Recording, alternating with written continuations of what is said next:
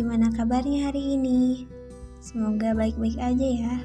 Terima kasih sudah mampir ke podcast ini. Selamat mendengarkan. Seperti judulnya, istirahat dulu. Istirahat gak harus tidur lama-lama. Cukup duduk dan tenangin diri aja itu udah cukup.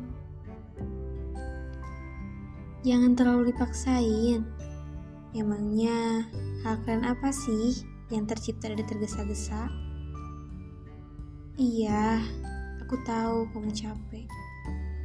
Tapi, coba ditanya lagi, kenapa masih aja dijalanin? Kenapa coba? Ah, iya bener.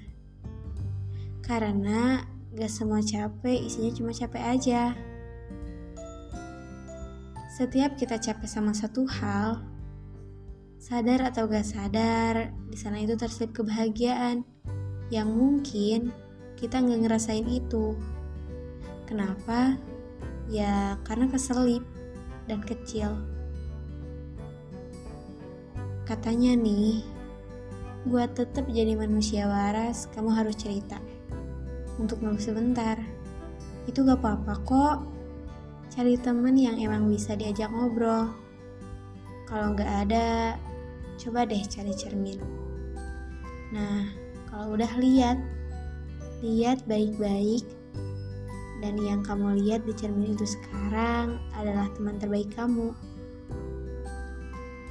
Istirahat dulu yuk, diri dan pikiran kamu sudah serius itu. Kasian, gak usah buru-buru, karena ya sebenarnya apa sih yang ingin digapai?